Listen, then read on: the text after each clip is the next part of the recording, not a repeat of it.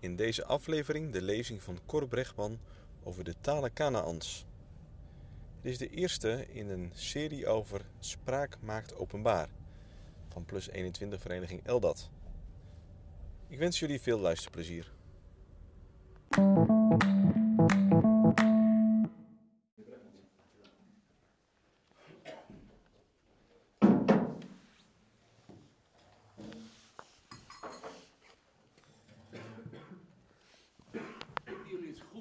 Ik ga zitten?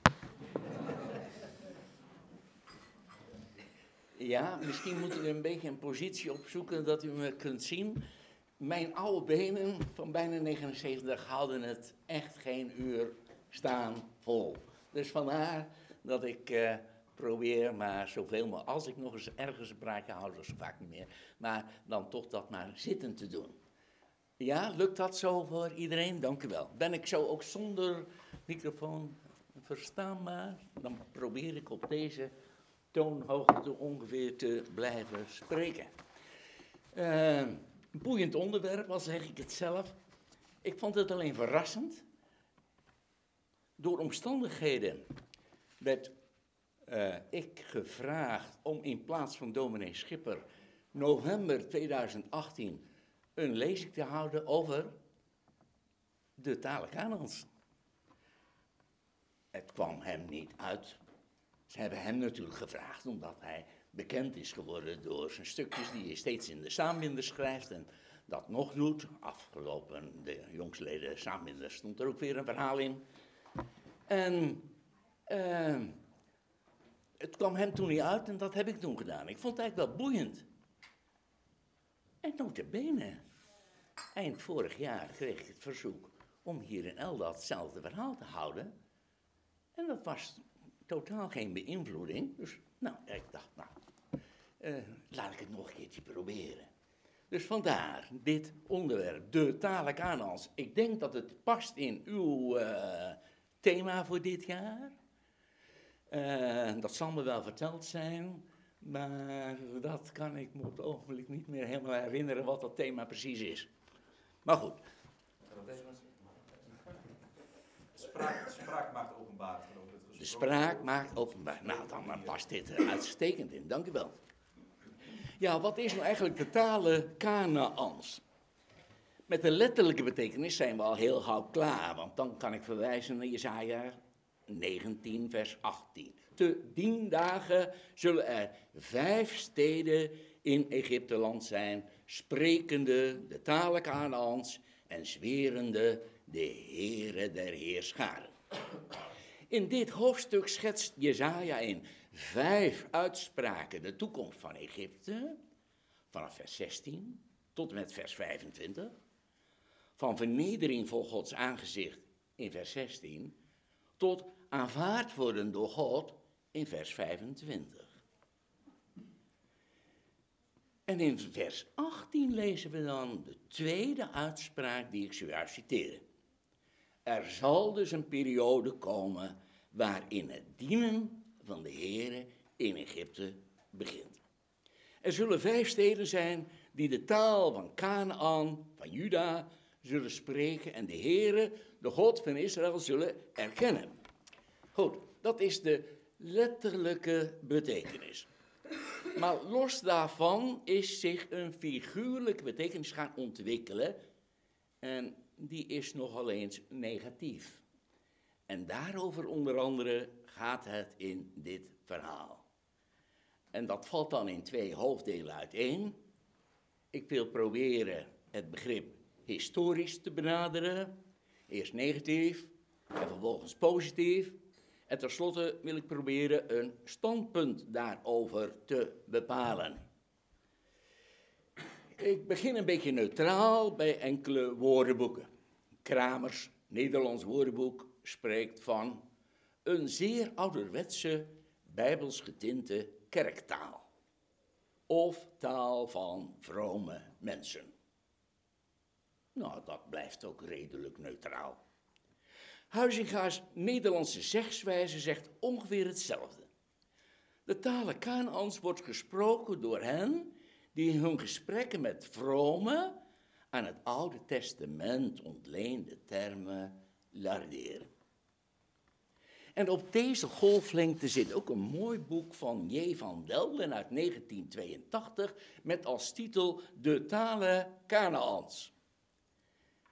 Hij gebruikt de term in positieve zin en geeft in zijn boek tal van woorden, zegswijzen, uitdrukkingen, spreekwoorden die direct of indirect op de Bijbel teruggaan en of hun bekendheid danken aan de Bijbelse oorsprong of hun Bijbelse gebruik.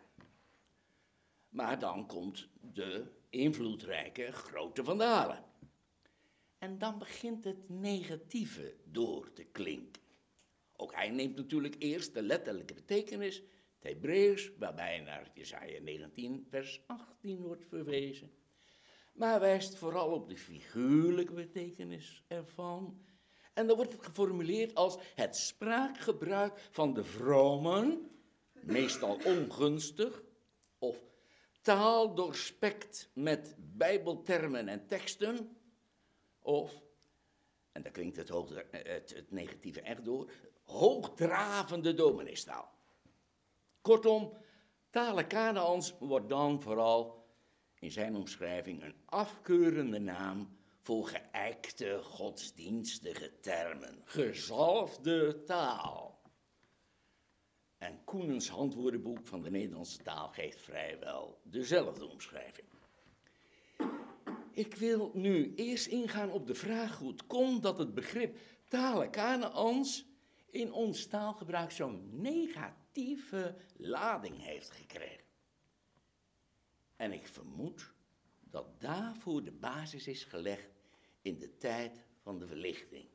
Dus in de tijd van de tweede helft van de 18e eeuw. Nou, dan geef ik eerst een paar citaten uit de Sarah Burger uit. Er zullen ongetwijfeld mensen geweest zijn die op de middelbare school dat boek minstens in hun handen gehad hebben. Misschien zelfs gelezen. Geschreven door de dames Bekje Wolf, Aagje Deken. Sarah Burgerhart is een weesmeisje dat opgenomen is in het huis van haar vrome tante Susanna Hofland. Ze is een niet onbemiddeld meisje uit de hogere burgerlijke kringen.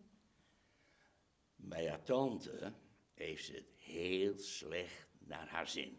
Omdat ze door haar altijd bekritiseerd wordt. Want tante Susanna hoort bij de zogenaamde fijnen.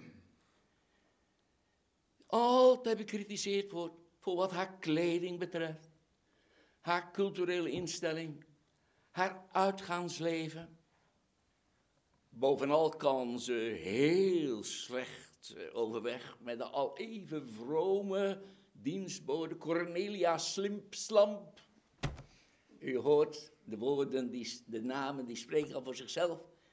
En met de kwezelachtige broeder Benjamin, die de deur bij tante plat loopt en daar heel gul onthaald wordt. Op een gegeven moment loopt ze weg en gaat ze wonen bij mevrouw Speelgoed, zo heet haar, haar man, weduwe geworden. Zelf heet ze Buigzaam. Mevrouw Speelgoed Buigzaam, de tolerante, de redelijk denkende dame. En daar kan ze veel beter zichzelf zijn dan in het bekrompen milieu van tante Susanna. Eén citaat is eigenlijk genoeg, ook genoeg eer voor de dames Wolf en Degen.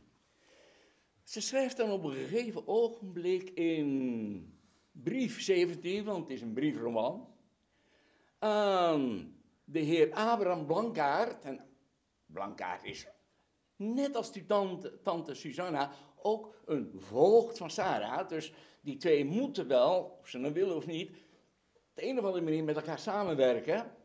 Nou, ze zitten op een totaal ander spoor. Tante Susanna Hofland. En Blankaart. De naam spreekt weer boekdelen. Nou, want dan zegt tante Susanna, mijn heer, de apostel zegt dat we alle omgang met zondaren niet kunnen vermijden. Want dan zouden we buiten de wereld gaan moeten. En schoon ik mij zo kan vinden in de woorden van die heilige sukkelaar, zoals broeder Benjamin koning David wel eens noemt, zo kan vinden, zeg ik, in de woorden daar hij zegt, ik kom niet op de weg der zondaren. Zo vind ik het nu in mijn weg noodzakelijk. Mijn ogen naar dat afgodische Frankrijk te slaan. Daar woont hij. En mij als te begeven onder hen die het teken des beestes aan hun voorhoofd dragen. Je weet, mijn zusters man vond het zo om u tot de eerste voogd voor zijn dochter te verkiezen. En haar moeder maakte mij medevoogdesse. Bevelende wil ik spreken haar aan mijn liefde en bescherming. Daarvoor kreeg ik sjaars een matig stuivertje van honderd halve rijertjes, och ja. Dit was weinig genoeg, want het meisje was weelderigjes opgevoed. Ik moest om haar nogal meer omslag maken dan ik zo in mijn eigen gedoente gewoon ben. Ach ja, maar wat is het? Men doet veel uit liefde en de tot liefde. Had ik maar vruchten mogen zien, zou ik mij alles nog kunnen troosten. al mijn moeite, al mijn zorg was te vergeefs. De meid heeft de keistenen hart, heel voor de wereld. En zolang ik zo met dat lastig zeeschip getopt en gevroed heb, ben ik zo van mijn hart af geweest. Het is op de zee hebben huisjes. Ja, ik heb van haar kwaad humeur veel verdragen. Maar ze is weggevlucht. Ja, nou, dan proeft u het wel een beetje. Ik heb een beetje overdreven. Uh, maar de dames hebben ook, dat kan ik er gerust al wel bij zeggen, behoorlijk overdreven. Ze hebben een behoorlijk sarcastisch scherp beeld neergezet van een, een femelachtige, vrome, tussen aanhalingstekens. Het beeld wordt dus heel scherp neergezet. Dit is de taal van de fijne. En dat is, zo zou je kunnen zeggen, in een bepaald opzicht dan die taal Kanaans. Kwezelachtig, schijnheilig, begrijpt u gelijk waar Van zijn uh, oorsprong zo'n beetje vindt. Dat is denk ik hier ergens. Uit de citaten, uit dit citaat althans, wordt wel duidelijk dat de opgeblazen en schijnheilige vroomheid in een ongunstig daglicht wordt gesteld. De schrijfsters van de Sarah, dames Wolf en Deken, waren verlichte figuren. Tweede helft, 18e eeuw, typische tijd van de verlichting, die hun verlichtingschristendom op deze manier scherp afzetten tegen de kortzichtige, domme, huichelachtige fijne. Ik zei al, we moeten niet vergeten dat de dames in hun spot de uiterste hebben opgezocht. Natuurlijk, allerlei elementen uit die taal komen voor. Maar ze hebben ze wel sterk uitvergroot. Waardoor hun weergave van de taal van de fijne veel meer een karikatuur is dan een beeld van de werkelijkheid. En op dat spoor zijn andere schrijvers, onder andere Multatuli in de 19e eeuw, verder gegaan. Multatuli schetst in zijn beroemde boek Max Havelaar een ontluisterend beeld van dominee Wawelaar. Nou ja, weer zo'n speaking name. De Wawelaar, dominee Wawelaar. Die in zalvende taal de uitbuiting van de inlanders op Java goedkeurt. Want daar gaat deze roman over, over ja, uh, hoe de Indische bevolking van het platteland uitgebuit wordt. Maar dominee Wawelaar keurt het goed, in zalvende taal. En daarmee wordt het beeld neergezet van een wauwelende dominee met loze praatjes om een slechte zaak goed te praten. Met andere woorden, Wawelaar is het toppunt van onwaarachtigheid. Een man als dominee, dokter K. Schilder, de meeste van jullie zullen zijn boeken niet gelezen hebben. Hij was een vooraanstaand predikant in de gereformeerde kerken, de jaren 20 en 30 van de vorige eeuw. En hij is de man van de vrijmaking, 1944. waardoor de gereformeerde kerken vrijgemaakt zijn ontstaan. Niet zo lang daarna is hij overleden, rond 1950, maar hij is een uiterst belangrijk theoloog geweest. En hij heeft ook echt mooie boeken geschreven, echt waar. Uh, wat is de hemel bijvoorbeeld? Kan je aanraden om te lezen. En vooral Christus in zijn lijden, drie delen. Mooi, de ingang, de doorgang en de uitgang van zijn lijden. Prachtige, uh, gevoelvolle taal, maar ook, je zou bijna zeggen, met een bevindelijke gloed. Stichtelijke lectuur in de goede zin van het woord. Maar toch, hij wilde wel een Kanaans, maar dan moest het een heldere, bijbelse taal zijn. Zonder uitwassen van wat hij de valse mystiek noemde.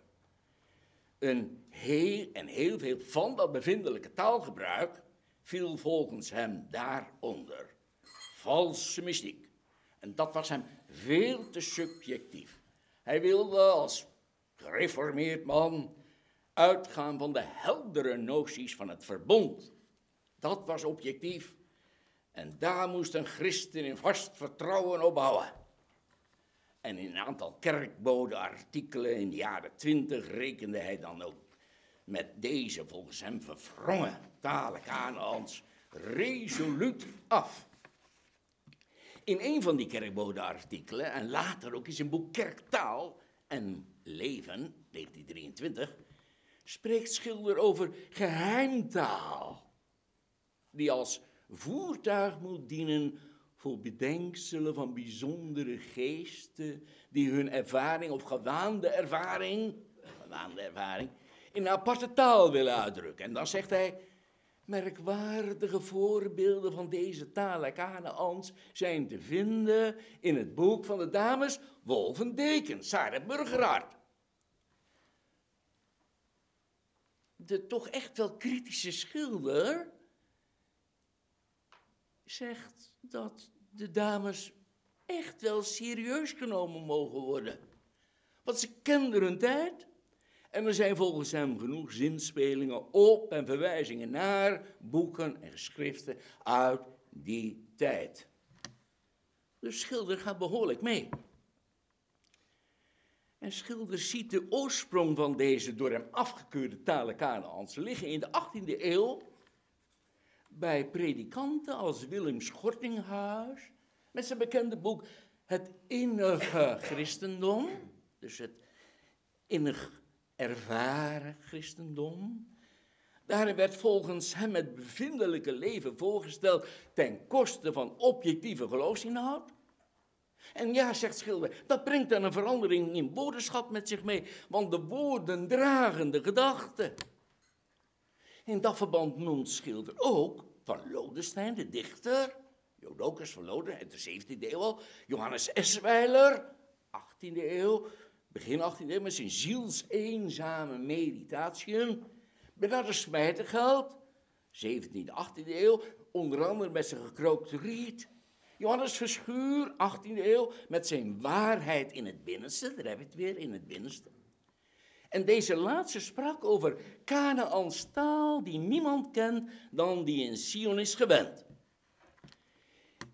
En in de mond van Verschuur en Schottinghuis krijgt het begrip talen Kanaans, zegt Schilder, dan de lading die de dames Wolf en Deken zo bekritiseren en dan in een karikatuur uitvergroten. En die karikatuur, dat zeg ik er dan bij. Het krijgt het karakter van een geheimtaal tussen de vromen. En dan krijgt de inhoud een andere, nieuwe geestelijke zin. In de tweede samenspraak van het innige christendom staat een belangrijke passage in dit verband. Onbegenadigde hoort zo de gesprekken aan. Onbegenadigde, luister goed naar zijn naam. En die merkt dan in het gesprek plotseling op, ik vrees vrienden, want het boek is, is samengesteld in een samenspraak namelijk, hè? dat was echt 18e eeuwse gewoonte. Ik vrees vrienden dat deze uw redenering wat te ver gaat. omdat gij spreekt van zo'n verwondering, verliezing van zichzelf, inzinken en smelten in de gloed der liefde Christi en wat dies meer zijn. Het schijnt mij dat de vromen zulke vreemde uitdrukkingen en spreekwijzen niet moeten gebruiken, omdat die voor mij, onbegenadigde, en velen met mij zo onverstaanbaar zijn. Maar dan moet je goed luisteren. Dan geeft begenadigde dit antwoord. Dus, en dat is eigenlijk de, mening van Schortinghuis, dat voel je wel. Och, onbegenadigde. Had gij ooit de kracht, de genade Gods en het zo uitnemende, verrukkende, der alles overklimmende liefde Christi in uw hart gevoeld, Het tegen deze of gene hartelijke en gemoedelijke uitdrukkingen, die uit de overvloed van een vol hart komen, zo niet geladen hebben. Immers heeft iedere wetenschap haar bijzondere woorden. Om daardoor het wezenlijke van die wetenschap uit te drukken. Die aan degenen die van die kunst zijn, verstaanbaar, maar andere onervarenen vreemd zijn.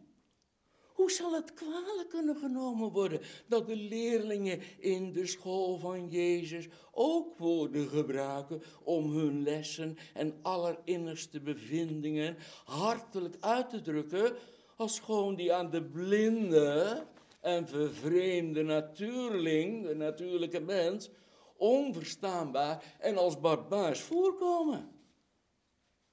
Dat zegt begenadigde tegen onbegenadigde.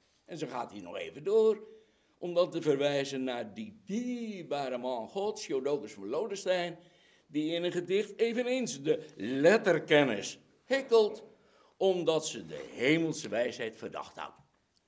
En dan zegt kleingelovige, kleingelovige, dit is waarlijk verheven en innig. Och, dat het op mijn en in iegelijks hart gedrukt werd. Nou, dan is uh, onbegenadigde uitgesproken.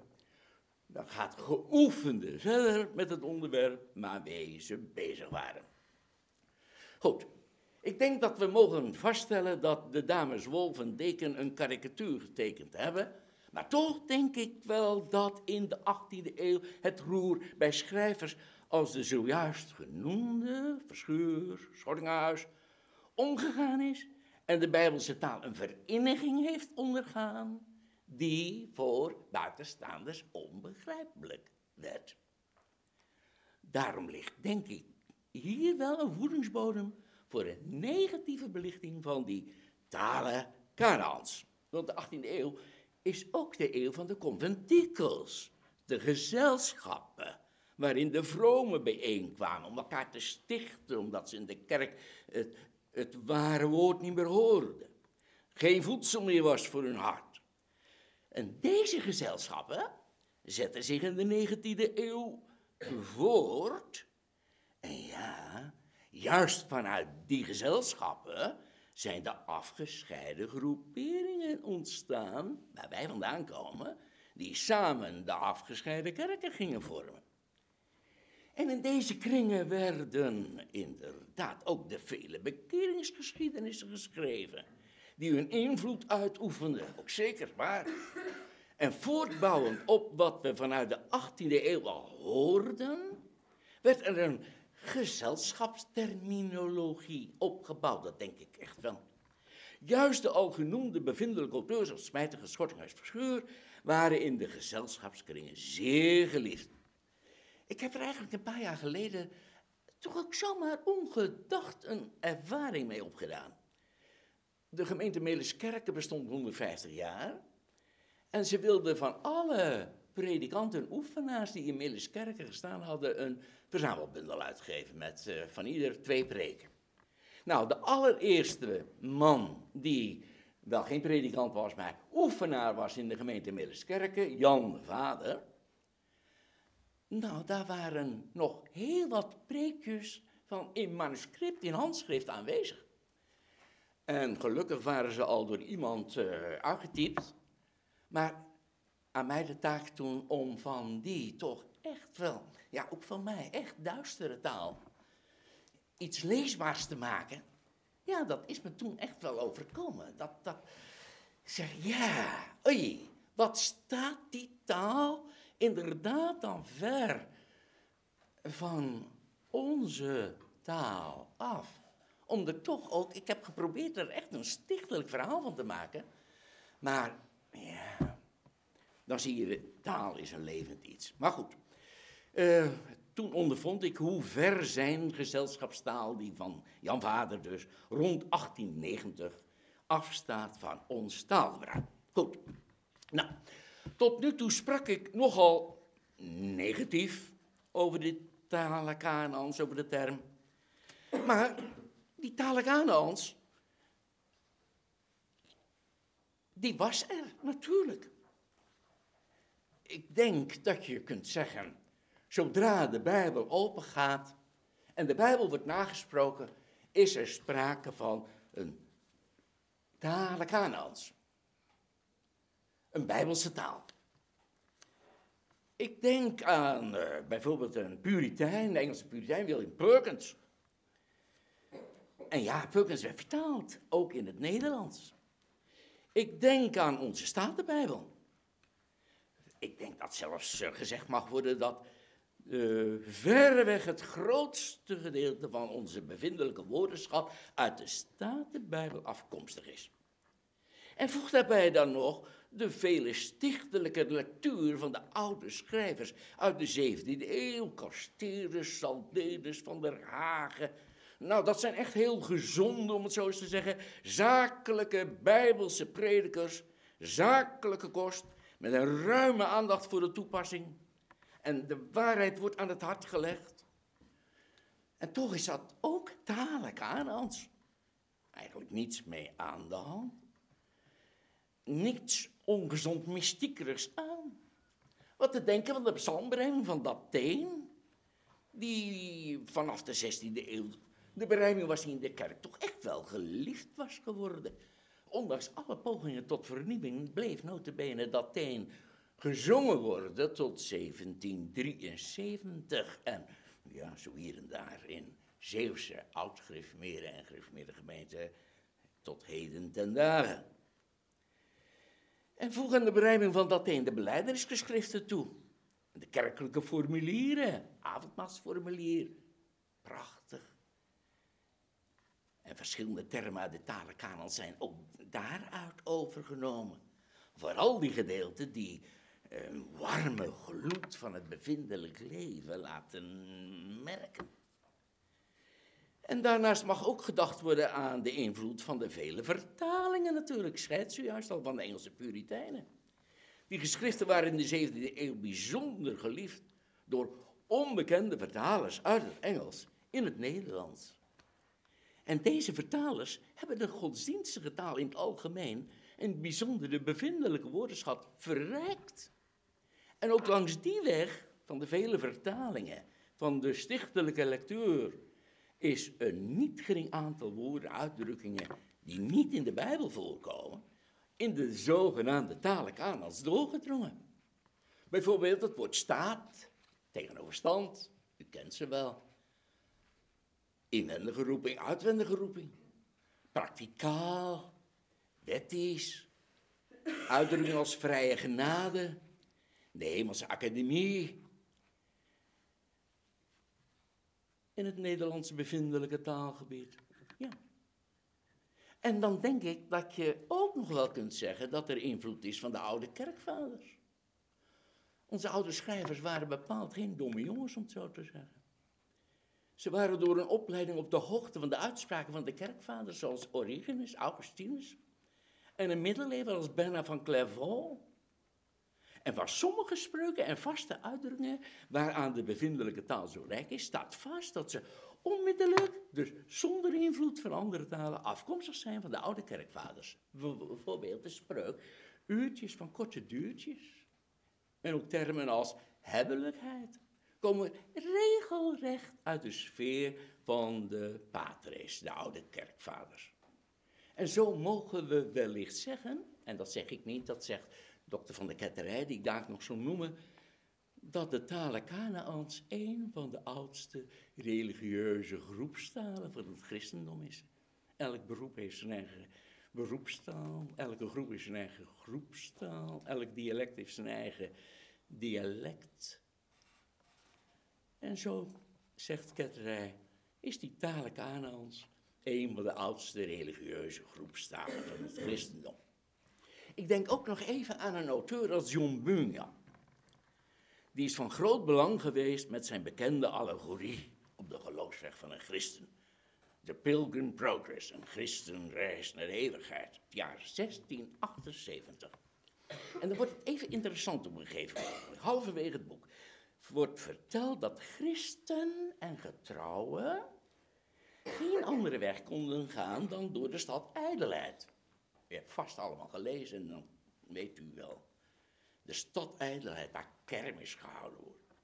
En dan schrijft Bunyan, en ik neem maar even een wat ouderwetse vertaling, maar zie, zodra zij hun voeten daar gezet hadden, kwam er een grote opschudding onder al de kermisgasten.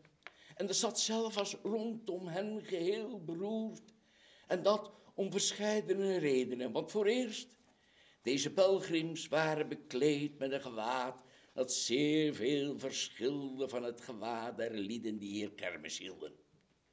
Elk zag hen derhalve aan, alle ogen stonden op hen. Sommigen zeiden dat het zotten en gekken waren. Anderen zeiden het zijn uitlanders, buitenlanders. Ten andere, gelijk zij zich verwonderden over hun kleding, zo waren zij niet, meer, niet minder verwonderd over hun taal. Want er waren er weinigen die hen verstaan konden.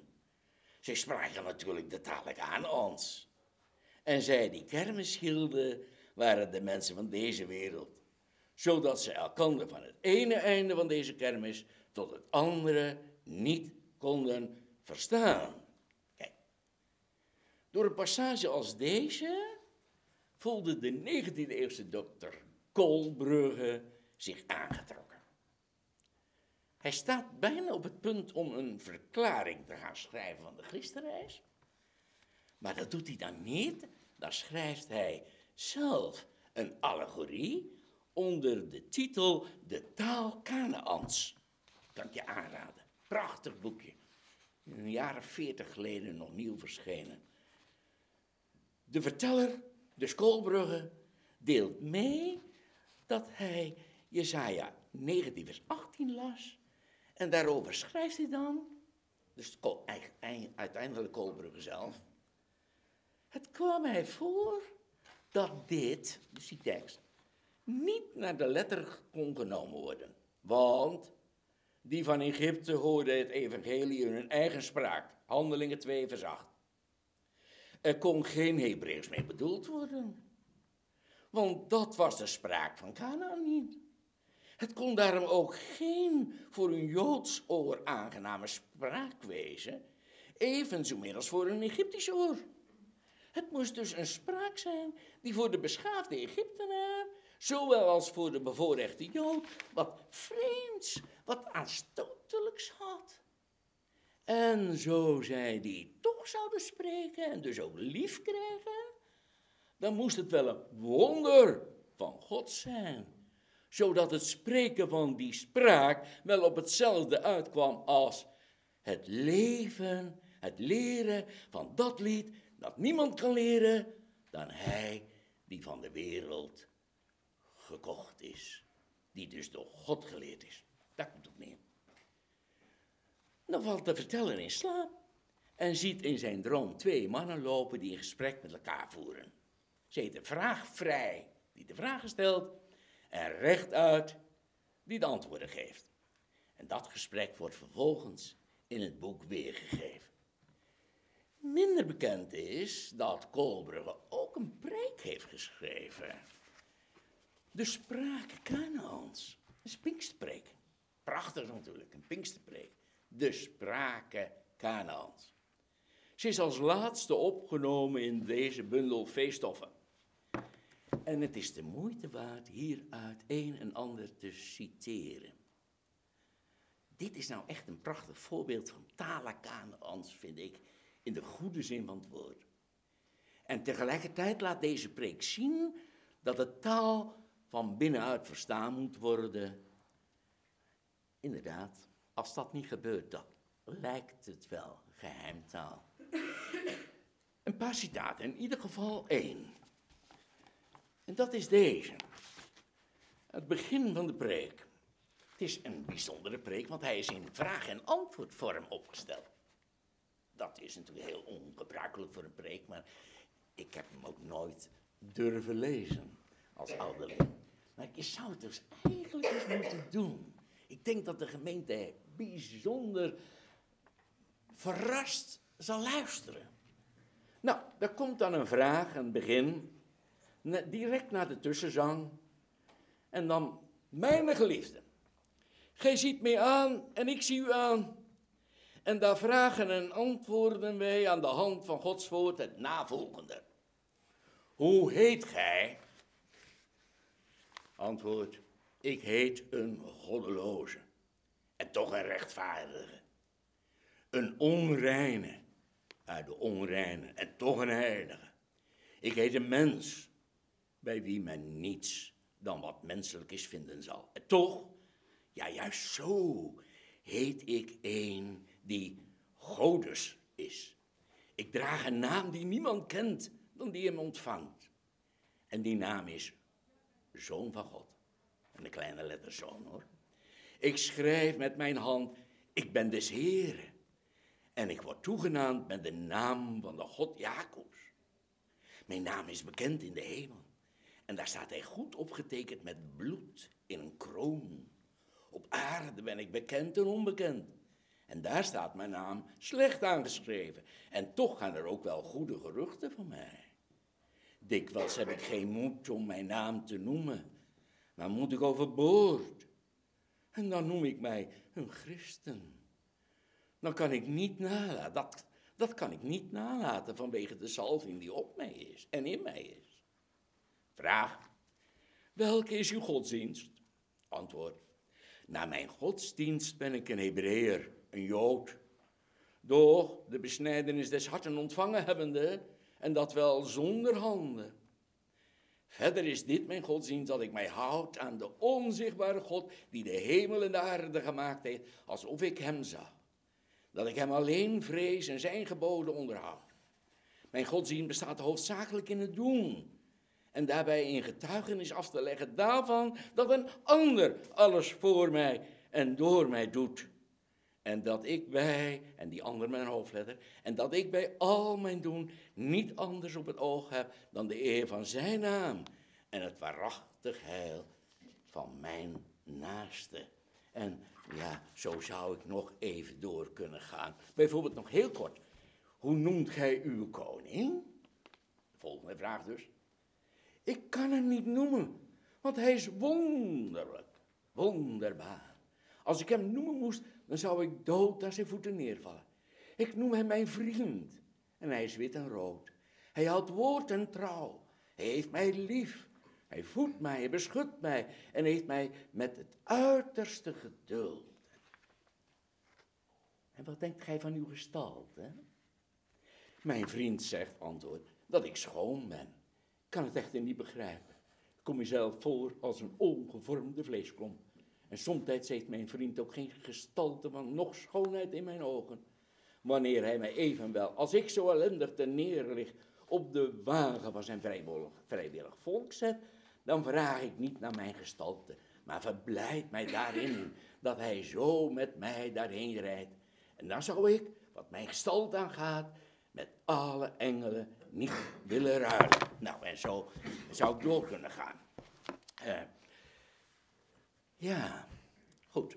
We komen zo langzamerhand onze eigen tijd. En dan kan het niet uitblijven. We zijn tenslotte ook geëmancipeerd van de kleine luiden in de 20e eeuw. Dat we deze dingen toch eigenlijk ook met een zekere wetenschappelijke reflectie gingen bezien. Nou, dat leidde in de tweede helft van de vorige eeuw al tot een paar interessante proefschriften. Ik denk aan uh, onze vroegere hoofdredacteur van het Reformatorisch Dagblad, dokter CSL Jansen. die een sociologische studie schreef over de eigen kring onder de titel Bewaar het Land, 1985. Maar ook het verschijnsel van de talen Kanaans werd vanuit een wetenschappelijke optiek bekeken. En dat gebeurde al in 1972 in het proefschrift van Dr. C. van de Ketterij onder de prachtige titel De weg in woorden. En de naam van de ketterij komt u denk ik wel bekend voor. Inderdaad, hij was een zoon van de bekende dominee van de ketterij, die in 1953 een van de predikanten was die de gereformeerde gemeente verliet en onder leiding van dokter Steenblok de gereformeerde gemeente in Nederland vormde. Ik wil een korte indruk geven van deze, ook voor ons onderwerp, belangwekkende publicatie. Want de ketterij spreekt overigens in de ondertitel van pietistisch woordgebruik. Woordgebruik van de pietisten. Dat is in zijn studie iemand die de talen Kanaan spreekt en verstaat. Ik denk dat Ketterij zijn vader niet gevolgd is in kerkelijke zin, maar eigenlijk laat hij hier al zien dat hij echt een zoon van zijn bevindelijke vader is. Hij zegt inderdaad uh, dat is iemand, iemand die de talen Kanaans spreekt en verstaat. Zo grenst het eigenlijk. Dat is iemand die niet alleen spreekt over de zaken van het geestelijke, bevindelijke leven, maar er ook uit spreekt. Hij begrenst het begrip dus heel nauw. Hij zegt dan ook dat men geen pietist is ten gevolge van geboorte en opvoeding, want genade is geen erfgoed. Men wordt het alleen door wedergeboorte. En die heeft niet alleen betrekking op de geestelijke vermogens. Een andere mentaliteit. Nee, nee, ze betreft het hart waaruit alle uitgangen van het leven zijn. Het is overigens wel zo dat hij vrijwel alle pietisten ziet in de rechterflank van de gereformeerde gezinte. In wat vroeger wel de Zwarte Kouskerken werd aangeduid. En dat pietistische woordgebruik in engere zin wordt dan aangeduid als de talen Kanaans. De taal van de geest die door God zelf geleerd werd aan iedere wedergeborene persoonlijk. En daardoor onderscheidt het volk van God zich van de wereld. Je ziet het, hij heeft een heel uh, ja, theologisch begrensde definitie voor de talen Kanaans taal van het volk van God. Dat zich daarmee onderscheidt van de wereld. En die taal werkt dan ook als een shibboleth tussen ware gelovigen en naambeleiders. En daarnaast is het een communicatiemiddel tussen de kinderen van God. Overigens is dat pas het geval als zij opening krijgen. Dus als ze erover kunnen beschikken. Voortdurend moet God medewerkende invloeien. Ook als zij hun bevinding onder woorden brengen. Soms gaat dat niet. Dan worstelt de ziel met de taal om woorden te vinden die enigszins het gevoel des harten weer zouden kunnen geven. Zo citeert van de ketterij hier dominee van Renen. Daarmee staat in verband dat woorden als onuitsprekelijk, onbeschrijfelijk, onnoemelijk zo vaak voorkomen. Alleen als het hem gegeven wordt, zal de wedergeborene woorden tot zijn beschikking hebben om zijn ervaring uit te drukken. Anders moet hij zeggen, het is onuitsprekelijk. En dan spreekt hij er niet over, maar uit. De taal Kanaans wordt dan ook meer dan een communicatiemiddel. Het is tevens een instrument om tot kennis van God en goddelijke zaken te komen. Door middel van de woorden aanschouwt hij de zaken. Beide zijn onscheidbaar geworden. De zaken worden woorden en de woorden worden zaken. U kent de termen wel, denk ik zo, de uitdrukking. Op deze wijze wordt het hele geestelijke leven opgebouwd, georganiseerd en gesystematiseerd door middel van het woord. En de bekeringsweg is een woordelijke realiteit de weg in woorden. Bevinding en woord zijn onmogelijk te ontkoppelen. De talen Kanaans spreken, verstaan en kennen betekent dan ook deel hebben aan de ware bevinding der heiligen. Door het taalgebruik komt men aan de dag. En deze taal is ook blijvend. God bekeert zijn kinderen niet op een andere manier. En daardoor zal ook deze taal niet veranderen. Ik volg nog steeds van de ketterij. Als men zijn bekering op een andere manier vertelt, wordt men niet vertrouwd of wordt deze geestelijke ervaring ongeldig verklaard. Zijn staat wordt niet erkend. U ziet, eigenlijk is van de ketterij hier op hetzelfde standpunt als de 18e eeuwse dominee Verschuur of Schortinghuis. En het is een heel geleerd boek met een buitengewoon geleerde taalkundige inleiding. Maar ik denk dat de opvoeding bij dokter C. van de Ketterij, die, als ik me niet vergis, eigenlijk nergens aan deed. Althans, hij zegt gewoon, ja, ik spreek die taal Kanaans niet. Dus ik, ik, ik bekijk het maar van de buitenkant. Eigenlijk zegt hij, ik ben niet bekeerd, dus eigenlijk kan ik er niet uitspreken. Ik kan er hooguit wat over spreken. Zit eigenlijk het, het standpunt van vader van de katerij, denk ik. Ja. Van de katerij zegt ook nog, en misschien heeft hij wel een beetje aan zichzelf gedacht. Overigens is het wel zo dat dat talenkanons ook gebruikt kan worden door iemand die geen kennis heeft van de bevindelijke zaken. Maar dan is hij een huichelaar en behoort hij tot de naambeleiders.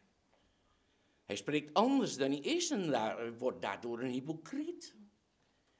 En de vrees hiervoor verklaart ook de veel voorkomende twijfel aan de eigen staat bij Gods kinderen. Daarom staat het zelfonderzoek ook zo centraal. Dat zijn allemaal waarnemingen van de zoon van de dominee, de taalgeleerde van de ketterij, die eigenlijk toch theologisch geen afstand neemt, maar in wezen talig gezien het standpunt van zijn bevindelijke vader en ook diens taalgebruik, denk ik, een wetenschappelijk kader probeert te geven. Nou ja, het is een boeiend boek hoor. Er wordt geen alfabetische ordening van de woorden en termen gegeven, maar een thematische. Titel geeft al aan. Het is de weg van de pelgrim hier beneden. En die weg die kan heel goed met de stukken van de Heidelbergse catechisme weergegeven worden. Die van ellende, verlossing, dankbaarheid. En dat zijn dan ook de hoofddelen van het boek. En deze weg is ingeklemd tussen God, die de eerste is, en God, die de laatste is. En ja, dan is er nog iets uh, wel aardig. Het is een beschrijving, dus dit boek, van het bevindelijk woordgebruik in de 20ste eeuw. Hij heeft het een beetje ingeperkt. Anders heb je zo'n verschrik, als je al die eeuwen talen gezien moet gaan bekijken. Dus hij heeft zich beperkt tot de 20ste eeuw. En voor een groot deel gebaseerd op alle jaargangen van de Saminnen en van de Wachter Sions. En daarnaast allerlei preken los uitgegeven of in de schat des woords van dominees die ons niet zo gek veel meer zeggen, denk ik, omdat we niet zo vaak meer hun preken lezen of horen lezen. Dominee Franje, dominee Pieneman, Johannes van der Poel, de oud-gereformeerde, dominee van Reen, ik noemde hem al, dominee Dorrestein, dominee Dieleman, bekeringsgeschiedenissen, onder andere van Grietje van Dijk. En zo zegt hij bijvoorbeeld over de bekommering, en dan denk ik dat we even moeten gaan pauzeren en standpunt gaan bepalen. Dan zegt hij bijvoorbeeld over de bekommering, is heel aardig, dat is paragraaf 222. U ziet het, hij pakt het wetenschappelijk aan. De ziel wordt bekommerd vanwege zijn zonde. En dan heeft hij uit de samen een citaat. Ze worden bekommerd vanwege hun zonde. Het gemis van God, dat gaat hen drukken. Dat wordt onhoudbaar. Hij leeft in bekommering voort. En het citaat, velen moeten voor jaar in bekommering voortleven. Indien ge gelooft het bekommerde, u was meteen een verzekerde en verzegelde. U was af van al uw bekommeringen. Hij kwam ook ergens zeggen in levende zielenkommer. De saambinder. Jaargang 6. Uh, de bekommerde kerk. Godswaarlijk bekommerde volk. Een bekommerde van hart. En die bekommerde van hart, die kan van verre staan. Wanneer nu Gods kinderen, citaat, al zijn ze nog zo bekommerd en al staan ze nog zo van verre, wanneer zij eens een boodschap kregen dat zij hier altijd moesten blijven, wat zou het een bittere teleurstelling voor hen zijn? Samen in de jaargang 27. Gij zult uit dit schrijven wel gezien hebben hoe lang ik van verre stond. Uit een bekeringsgeschiedenis grote genade. Goed, zo zien we dat uh,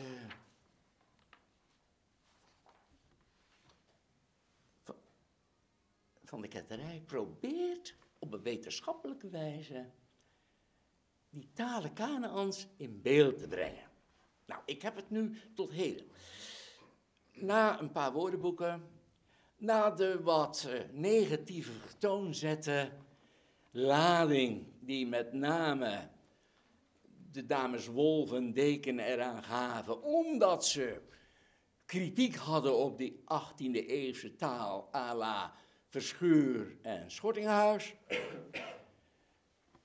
ben ik daarna naar een wat positievere insteek gegaan. De talenkamer is eigenlijk de Bijbelse taal, de taal van de beleidenis, de taal van de, van de, van de, uh, de formulieren. En toen kwam ik dus bij dat van de ketterij daar wetenschappelijk over op te merken had. Nou, we gaan naar een standpuntbepaling. Ik wil straks nog even laten horen wat dokter De Reuver zegt van dit proefschrift, Harry De Reuver. En wat dominee van Eckenveld zegt. En daar zitten verrassende parallellen in. Goed, ik wil het hier even belaten. Dank u. Dank u wel, uh, zover pauze is een zeer kleine pauze, we met elkaar wat te zingen. Hierna zullen we ongeveer nog maximaal een half uurtje doorgaan. Waarin uh, de heer Brechtman zijn uh, lezing vervolgt zoals hij aangaf, maar waarin ook wat ruimte is voor vraag en interactie. Dus ik wil nu met elkaar zingen op Psalm 121. Uh, en daarvan alle vier de versen. Dus nu uh, gebeurt aan ons om wat met taal te doen en wel op zingende wijze. Psalm 121, alle vier de versen. En daarna geeft de heer Bregman het woord. Goed, prima.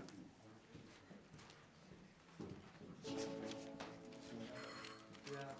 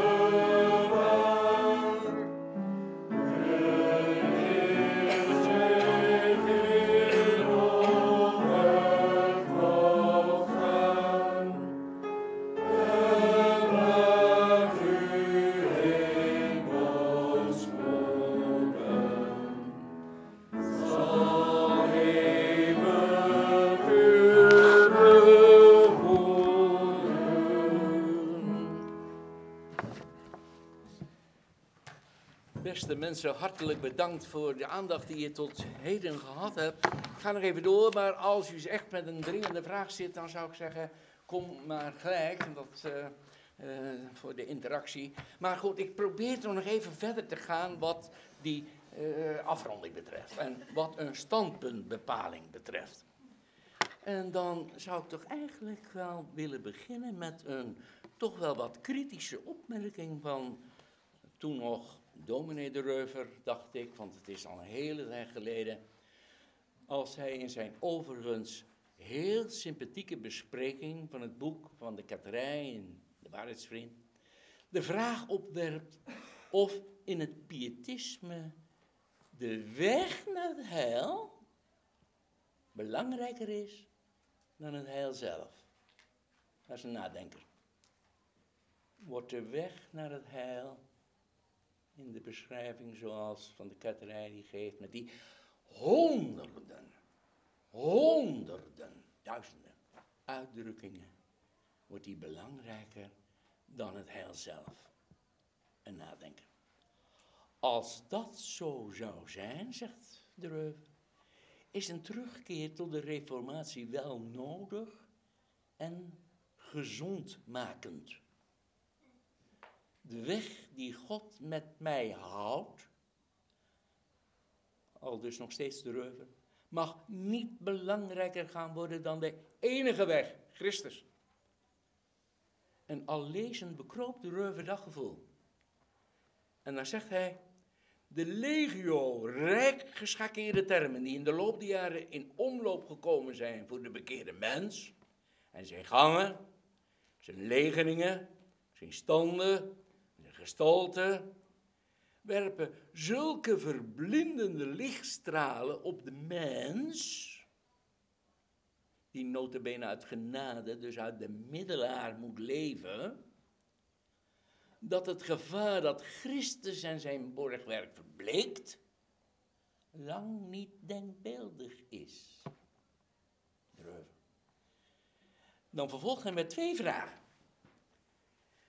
Zijn we, de eerste vraag, bereid om onze terminologie, onze termen dus, onze woorden, zuiver te houden? Of te zuiveren door of te zuiveren, beter gezegd, zuiver te houden of te zuiveren, door ons trachten te onthouden van woorden die dan wel geëikt mogen zijn in de talen maar niet in de schrift verankerd zijn. Dus zijn we bereid om onze woorden zuiver te houden of te zuiveren door ons trachten te onthouden van woorden die dus wel geëkt zijn, maar niet in de schrift verankerd. De eerste vraag. Maar ook de tweede vraag. Willen we ons verre houden van de oppervlakkigheid die alle woordgebruik dat niet direct aan de Statenvertaling is ontleend, verdacht maakt? Twee vragen. En de Reuver geeft al een begin van een antwoord.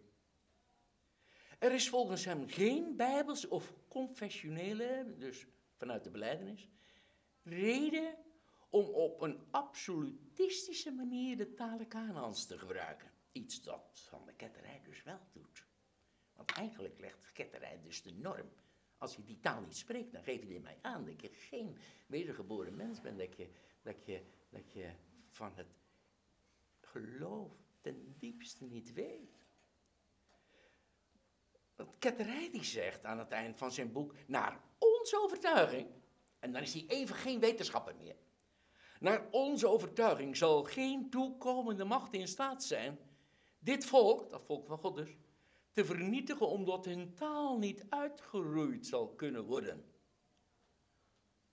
De Reuver zegt hiervan, hier maakt Van de Ketterij zich schuldig aan een ongeoorloofde gelijkschakeling van de taal Kanaans en het woord van God. Ik denk dat hij daar gelijk in heeft. En dan vervolgt de Reuver. Naarmate elementen in de talen Kanaans verder van de schrift afstaan, in die mate moeten we er ook voor beducht zijn. Dat neemt misschien eh, al een vraag bij u weg. Want onbijbelse woorden brengen onbijbelse zaken met zich mee. Het is de Reuvers vaste overtuiging dat ook de talen Kanaans deze toets zal moeten ondergaan. Alleen Gods woord kan haar wettigen en eiken. Het sola scriptura van de Reformatie houdt in dat elk ander woord onderhevig is aan het ontbindingsproces van de zonde. En daarvan is religieuze taal niet gevrijwaard. Van de Reuven kan natuurlijk heel fijnzinnig zeggen. Integendeel, Gods volk blijft vleeselijk verkocht onder de zonde. Koolbrugge. En dat geldt ook voor zijn taal. Maar het woord van God is geestelijk. Aan de andere kant kan er ook een verzet tegen het gebruik van de talen Kanaans zijn dat toch wel een beetje verdacht is. En u begrijpt het al. Nu komt dominee van Eckerveld even om de hoek kijken. En die wijst daarop in een artikel, een oud Daniel-artikel, heerlijk, digibron. Oud Daniel-artikel uit de jaren zeventig. En daar zegt hij, ik vrees wel eens, en dat vind ik ook waardevol om even door te geven. Ik vrees wel eens dat velen zich daartegen verzetten, omdat ze niet meer willen weten van het bevindelijke leven van Gods kinderen. Kan natuurlijk. Hij wijst erop dat het een leven is met een heel eigen karakter, totaal verschillend van het leven der wereld. En de eigen aard van dat geestelijke leven brengt een kunstspeciaal taal eigen met zich mee. Ja, ik denk dat dominee van Eckerveld gelijk heeft. Maar ook van Eckerveld zegt er toch weer direct bij, en hij wijst erop,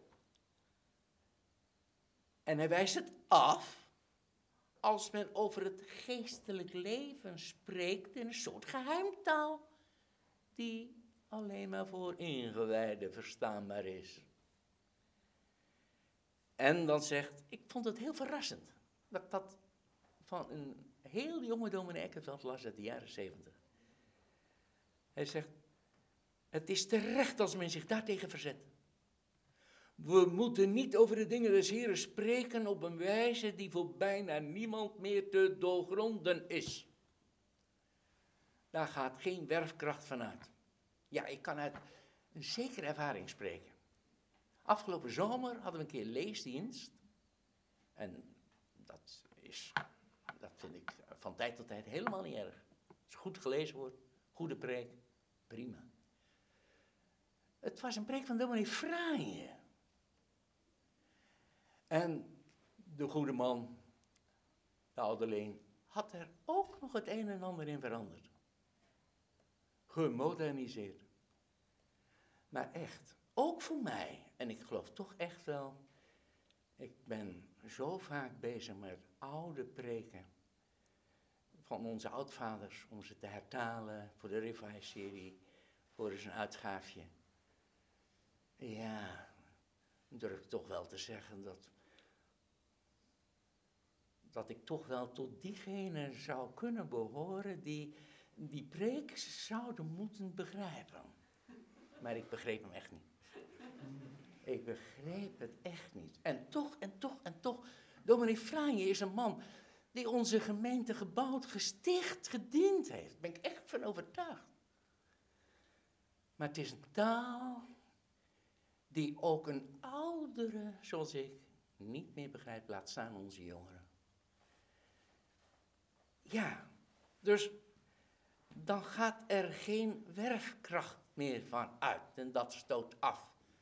Nou ja, er werd natuurlijk druk commentaar gegeven op die preek in de week die erop volgde. En dat is dan niet altijd even heilzaam. Van Eckenveld wijst op het gevaar van verabsolutering van een bepaald geestelijk taalgebruik. Hij gaat dus dwars tegen ketterij in, dat merk je eigenlijk wel. We mogen een bepaald systeem van uitdrukkingswijze waarin geestelijk leven wordt verwoord, niet verabsoluteren. Hij was ook toen al zendingsdeputaat en hij wijst in dit verband op het zendingsveld. Daar zijn mensen die door het werk van de zending de Heeren zijn gaan vrezen. Hij proefde daar het werk van Gods geest in het hart, op een van zijn deputaatreizen. Maar, zegt hij, zij kennen onze manier van uitdrukking niet. Ze gebruiken heel andere woorden dan wij zouden doen. Dus in ons taalgebruik is een stuk traditie. En daarom mogen we het gebruik van bepaalde uitdrukkingen en zegswijzen over het geestelijk leven nooit maken tot een soort kenmerk van genade. En Van Eckenveld zegt dan heel mooi: Gods genade is niet gebonden aan een bepaald taalgebruik, maar aan het werk van de Heilige Geest. Hij noemt daarnaast ook nog het gevaar van een zekere gespletenheid. Inderdaad dualisme. Tussen het geestelijke leven en het leven van alle dag. Zo ga ik met een geestelijke zielenvriend spreek, spreek heel anders dan met een zakenrelatie. Zegt dat, dat is een dualisme, een gespletenheid die niet goed is. Er zijn mensen, zegt Eckevel, die als ze over geestelijke zaken spreken, als ze over geestelijke zaken spreken, zich zo totaal anders uitdrukken, tot zelfs in hun stembuigingen toe. En dan gaat het hoofd een beetje op scheef. Ja, en dat zegt Comrie zelfs al. In zijn verzamelde leerredenen zegt Comrie op een gegeven ogenblik dat hij ervan walgt. Dat kopje een beetje scheef gaat. En er een beetje temerig gepraat gaat worden. Ook in de 18e eeuw. Notabene. Dat is toch wel heel frappant. Nou, Eckeveld die zegt het erna. Ja, een gespletenheid. Tot aan de stembuigingen toe. Zodat je je afvraagt of dit nog dezelfde persoon is. Er is dan een kloof tussen het gewone taal, spraakgebruik van de betreffende persoon en zijn geestelijk spraakgebruik. En dat kan wijzen op een gespleten leven. En dan, mooi citaatje, dat kan ook jonge mensen bijzonder afstoten. Als je jong bent, voel je het soms zo goed aan als iets opgelegd is. Nog steeds een citaat van Van Eckerveld. En daarom pleit hij voor een verstaanbaar taalgebruik. De boodschap van Gods woord moet verstaanbaar zijn. En daarom mogen we geen pleidooi houden voor een soort geheimtaal voor ingewijden. Dat stoot af. De gevaren, zo begon ik al bij Van Eckerveld, die ziet hij echt wel onder ogen. Want hij kan ook op een andere kant wijzen. Hij zegt ook iemand die dicht bij de Bijbel leeft en door Gods geest is onderwezen, zal met diepe eergebied spreken over de dingen van Gods koninkrijk. Hij zal ook bijbelse uitdrukkingen gaan gebruiken. Dat kan niet anders. En daarom pleit Van Eckerveld met kracht voor een bijbels taalgebruik. Als we over de dingen des Heren spreken. Dat bewaart voor ontsporingen. Dat kan ook betekenen dat men woorden gebruikt die niet in de Bijbel voorkomen. Maar dan moeten die woorden wel een bijbelse inhoud hebben. De. Aan ons spreken, nog een citaatje, aan ons spreken over de dingen des Heren moeten merken zijn dat we dicht bij de schrift leven. Dan gaan we wel woorden gebruiken die het dagelijks spraakgebruik zo niet kent. En dan zegt Eckevel, de tere omgang tussen de Heer en de ziel brengt een eigen uitdrukkingswijze met zich mee. Maar deze moet wel schriftuurlijk en verstaanbaar zijn. Einde citaat. We gaan afronden. Hoe is de stand van zaken nu, in onze tijd? Het is, uh, dat digibron, ik zei het al, is heerlijk. Dus je, log, je, googelt wat, talen Kanaans. En ik had natuurlijk dit proefschrift, ik had dit en ik had zus en ik had zo. Maar toch altijd makkelijk als je zo ook nog eens eventjes wat, wat googelt. In een recent artikel schreef Artjan Logmans Velen kennen hem nog als zo een columnist in RD van tijd tot tijd. En dit schrijft hij dan als historicus in Transparant, het tijdschrift van de Vereniging van Christenhistorici. En hij schreef dat artikel onder de pakkende kop: Het uur der minne is verdwenen. Het uur der minne, het stondetje der minne, is terug te vinden in Ezekiel 16, vers 9. En ja, ik hoop toch eigenlijk dat de meesten van jullie dat gelijk in de gaten hebben wat daar nou mee bedoeld wordt. Dat is dat uur, dat ogenblik. En het is niet altijd in een ogenblik uit te drukken. Toch, die tijd dat je voelt, dat is de Heer nu dichtbij. Heer nu dichtbij. Het uur. Het uur is verdwenen, zegt hij. Het is terug te vinden in Ezekiel 16. En via predikanten en daarna de reformatie als spijtigeld is het begrip ingeburgerd in uh, de kleine gereformeerde kerkverbanden. Natuurlijk, wij kennen het woord denk ik wel. Dat is begrijpelijk, gezien de nadruk op de bekering en de beleving daarvan. Maar Logmans is ook via die gaan werken en heeft een klein onderzoekje gepleegd hoe dit begrip in de saamminder werd gebruikt. Overigens, uh, een beetje ondeugende opmerking.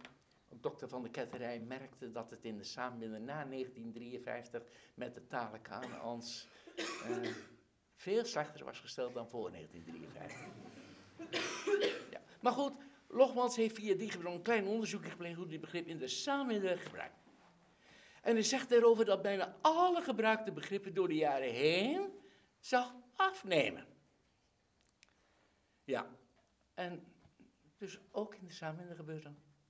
We zullen dit wel serieus moeten nemen, maar ik vermoed uh, ja, dat dit verschijnsel misschien inmiddels ook in de wachter ons wel waar te nemen valt. Zoals in de. Logmans merkt op dat men op het bevriendelijk taalgebruik, juist in de tijd van dat van de ketterij zijn proefstuk schreef, en misschien juist wel daardoor begon te reageren. Het feit dat dat, dat, dat ketterij zijn proefschrift wijst er misschien op dat het begon af te nemen, het verschijnsel. Dat zijn kracht begon te verliezen. Blijkbaar werd het steeds minder gewoon deze taal te spreken. En als je nu de samenbinder bekijkt, zie je dat dominee Schipper juist allerlei oude woorden, begrippen aan het bespreken is. In de laatste samenbinder nog heel interessant. Waar komen al die verkleinwoordjes vandaan? Ik heb u er een aantal laten horen, ook via de citaten die ik las. De verkleinwoordjes zijn niet van de lucht. Waar komen ze vandaan? Heeft dat toch ook weer met het bevindelijke taalgebruik, met het uh, taal, het, het klimaat te maken? Heeft het te maken met dat we ons klein en gering voelen? En gaan we dan ook maar allerlei verkleinwoorden gebruiken? Goed, hij is dus daarmee bezig en dat doet hij natuurlijk niet voor niks. Kennelijk is dat nodig omdat die woorden en begrippen die vroeger vaak gebezigd werden, dus nog niet meer zo goed begrepen worden. En natuurlijk is de taalkleur van ons kerkelijk blad een bijna 100 jaar na de eerste jaargang behoorlijk veranderd. En hetzelfde preek, eh, geldt voor preken in de Schadderswoords en de vroegere serie De Zaaier. Vrijwel allemaal momenteel opgenomen in de digitale prekenverzameling van de gereformeerde gemeente Predikanten Prekenweb. Taal leeft. En dat geldt kennelijk ook voor de bevindelijke taal. Maar toch valt niet te ontkennen dat de oproep tot bekering en de ervaring van de bekering nog steeds de centrale boodschap is. Ja, we gaan afsluiten. Ik wou eigenlijk helemaal aan het eind, daar staat iets in dat. Uh, in die preek, de taallijke van Koolbrugge, daar staat aan het eind. Mijn geliefde, dit is nu zoiets van de sprake Kanans. Die haar niet kan meespreken, ga als een kind in de leer bij de enige profeet. Haar veracht, weten dat de vader die zijn kinderen al zo leert spreken, hem zo lang ook veracht. Die haar geleerd heeft bedenken van wie hij haar geleerd heeft, opdat hij hem vrezen en hem eerbiedig aanbidden. Het spreken evenwel maakt niet zalig, zo het hart er niet bij is. Shibboleth alleen komt over de stroom. Daar heet het voorwaarts. Haast u, behoud u om uw levenswil. Ja, en dan kwam ik nog een aardig artikel tegen. Dus dat is, dat is waar. En Koolbrugge heeft bewezen dat hij verstaanbaar spreekt. Het is toch wel heel opmerkelijk. Koolbrugge blijft verstaanbaar. Als sprak hij de taal van de 19e eeuw. En als heeft hij de talen Kanaans gesproken. Toch doet hij het, en dat laat Van Eckerveld zien, dat laat de Reuver zien, op een wijze die geen geheimtaal is. Nou, Huip de Vries, we kennen hem wel als uh, redacteur van het Reformatorisch Dagblad. Schitterende schrijver. Een opgebonden zaak, daar heeft hij over. En dan zegt hij, tot de bijzondere dagen van het jaar behoorde voor ons de jaarlijkse middag. Legde de afstand naar de kerk dan niet de voet af, maar in de auto. Bij thuiskomt na de morgendienst was er middagsoep. Het belangrijkste verschil, oma de Vries uit Lekkerkerk bracht de dag bij ons door. Voor niemand was het een vraag of oma bekeerd was. Toch tobde ze zelf vaak over haar toestand. Ze was bekommerde vrouw, die nog niet in de vierschaar was geweest. Ze stond voor de zaak, zoals wijle dominee Bogert uit Sliedrecht het noemde, en doolde rond tussen Bethel en Pniel. Daarover hoorden we soms ook in de preken van dominee de Waard, de vader van onze huidige dominee de Waard uit Zeeland. Een voormalige tuinder die naar onze schuurkerk was overgekomen. Jarenlang had hij de roeping tot ambt weerstaan, tot de last van het leraarsambt hem in de dadelijkheid werd ingedrukt. Daarna was de gemeente van Alblasserdam voor hem een opgebonden zaak geworden. En dan zegt hij, het blijft een fascinerend fenomeen, die talen Kanaans. Dokter van de Ketterij wijnde er een dissertatie aan met de sprekende titel De Weg en Woorden. Er is veel lelijks gezegd over het mengsel van termen uit de Statenvertaling en uitdrukkingen die ontstonden binnen 19e-eeuwse gezelschappen. De herinnering aan oma maakte mij daarin voorzichtig. Toch zijn de boekjes over het oude volk ook aan mij niet zo besteed. Meer dan eens begon ik aan levensbeschrijvingen en brieven van Bekje Duizer, Jan Geense, vrouw Ruit, Vijgje Bons, vrouw Heemskerk, Mientje Vrijdag, maar binnen een half uur haakte ik alweer af. Iets wat ik niet heb bij de belijdenissen van Augustinus. De brieven van John Newton of de dagboeken van Mary Winslow. De reden is waarschijnlijk dat die zelf woorden gaven aan hun ervaringen. Bij de brieven van Betje, Jan en Mientje heb ik het gevoel een eindeloos refrein in verstolde terminologie te lezen. Het epistel van Betje zou net zo goed van Mientje kunnen zijn. En dan hij nog even verder. In 2007 deed hij een verrassende ontdekking. Ook de Pinkstergemeente bestond 100 jaar, net als wij, de gereformeerde gemeente. Nou, goed. En dan aan het eind, dan zegt hij dit. Dat kan hem net, denk ik. Spreek voor ieder klare taal, lijkt de moraal van het verhaal. Dat is gemakkelijker gezegd dan gedaan. Weet ik door mijn betrokkenheid bij een evangelisatiemaaltijd. Dat werk confronteerde me met het plechtige van mijn eigen woorden in het bidden en in het spreken over de dingen van God en zijn koninkrijk. Terwijl ik toch nooit de echte talen Kanaans heb gesproken. Ik vroeg me wel eens af hoe de mensen rond de tafels in het buurthuis zouden reageren als ik zou spreken over een opgebonden zaak. Ik vrees dat het rare associaties zou oproepen. Om maar te zwijgen over eindigen in het vlees. Zeker op een dag dat we enkel soep eten. Zelfs zonder dit soort termen is de taal van een reformatorische christen die wat over de Bijbel probeert te zeggen, een totaal andere dan die van seculiere mensen.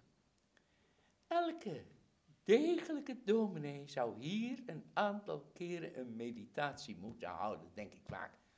Voor zo'n groep, zeg maar, vervreemden van kerkelijk leven. Dan ontdek je of je in staat bent het evangelie zo te brengen, dat de horens in hun eigen taal de grote werken van God horen verkondigen. Dat blijft lastig, is mijn ervaring. Na 35 jaar Veluwe, woont hij, heb ik nog altijd de tongval van de Alblasse waard. Het geestelijke dialect dat je meekrijgt, raak je even min volledig kwijt. Dat geeft ook niet. Zolang je maar beseft dat het een dialect is. En dat die vervorming, vervreemding en vervelende misverstanden kan zorgen in het contact met medereizigers. Zelfs mede-christenen. Gelukkig is het slechts het idioom op weg naar Canaan. In Canaan is de spraakverwarring voorbij. Daar spreken alle aangekomen pelgrims dezelfde taal. Dank u wel.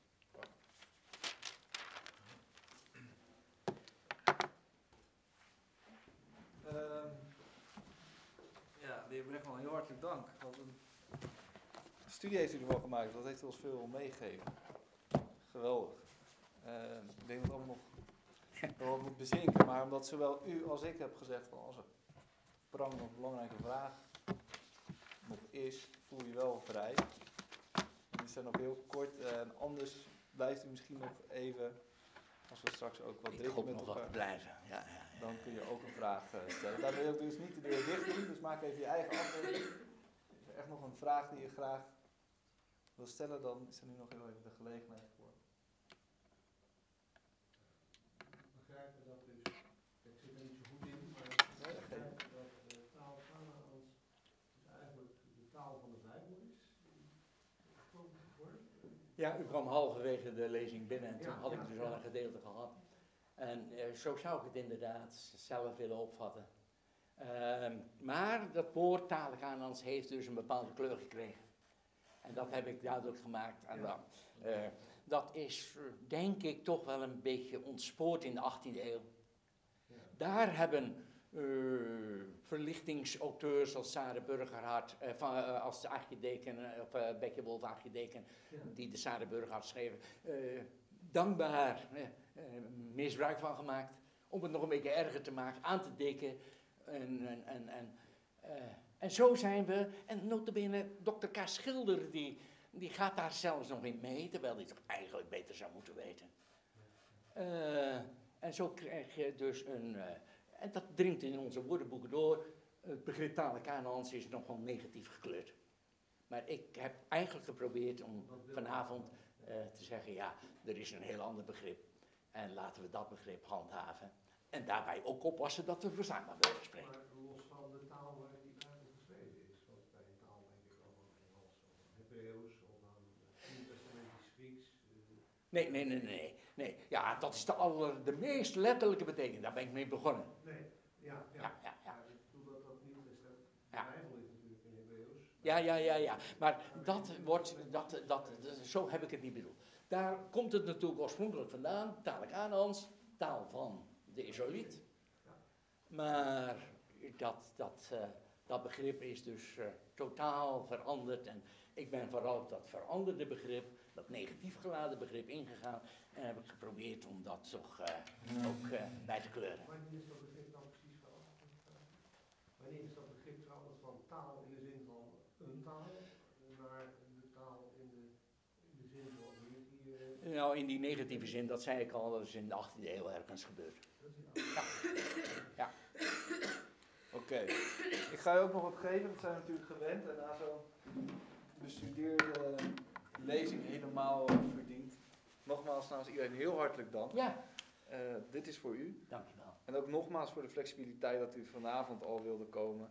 eh, en daardoor even moest haasten in plaats van eind van de maand. Ja. Heel erg gewaardeerd. Eh, Toen dominee Zondag mij benaderde, eh, heb ik helemaal geen zin in, want ik dacht ik heb nog lekker een maand. Eh, maar, eh, En ik dacht, ja. de dominee moet het zelf oplossen. Maar, maar, maar, maar, maar, eh, ja, nee, toen eh, even nadenken, zei, nee, ik moet, ik moet die man gewoon helpen. En, eh, ik had de lezing tenslotte liggen. Ik heb hem alleen in de. Ik heb er nog een week de tijd voor gehad om weer eens opnieuw te bekijken, bij te lezen, bij te schaven, weg te laten, bij te voegen enzovoort. Dus eh, vandaar dat ik. eh, en nu zit het erop. Ja, ja. Ja. Eh, nou, we hebben afgesproken dat u geeft nog een psalm Ja. op te zingen. Daarna wilt u met ons de avond ook eh, beëindigen. Ik vond het heel fijn om eh, zo'n aandachtig publiek te hebben.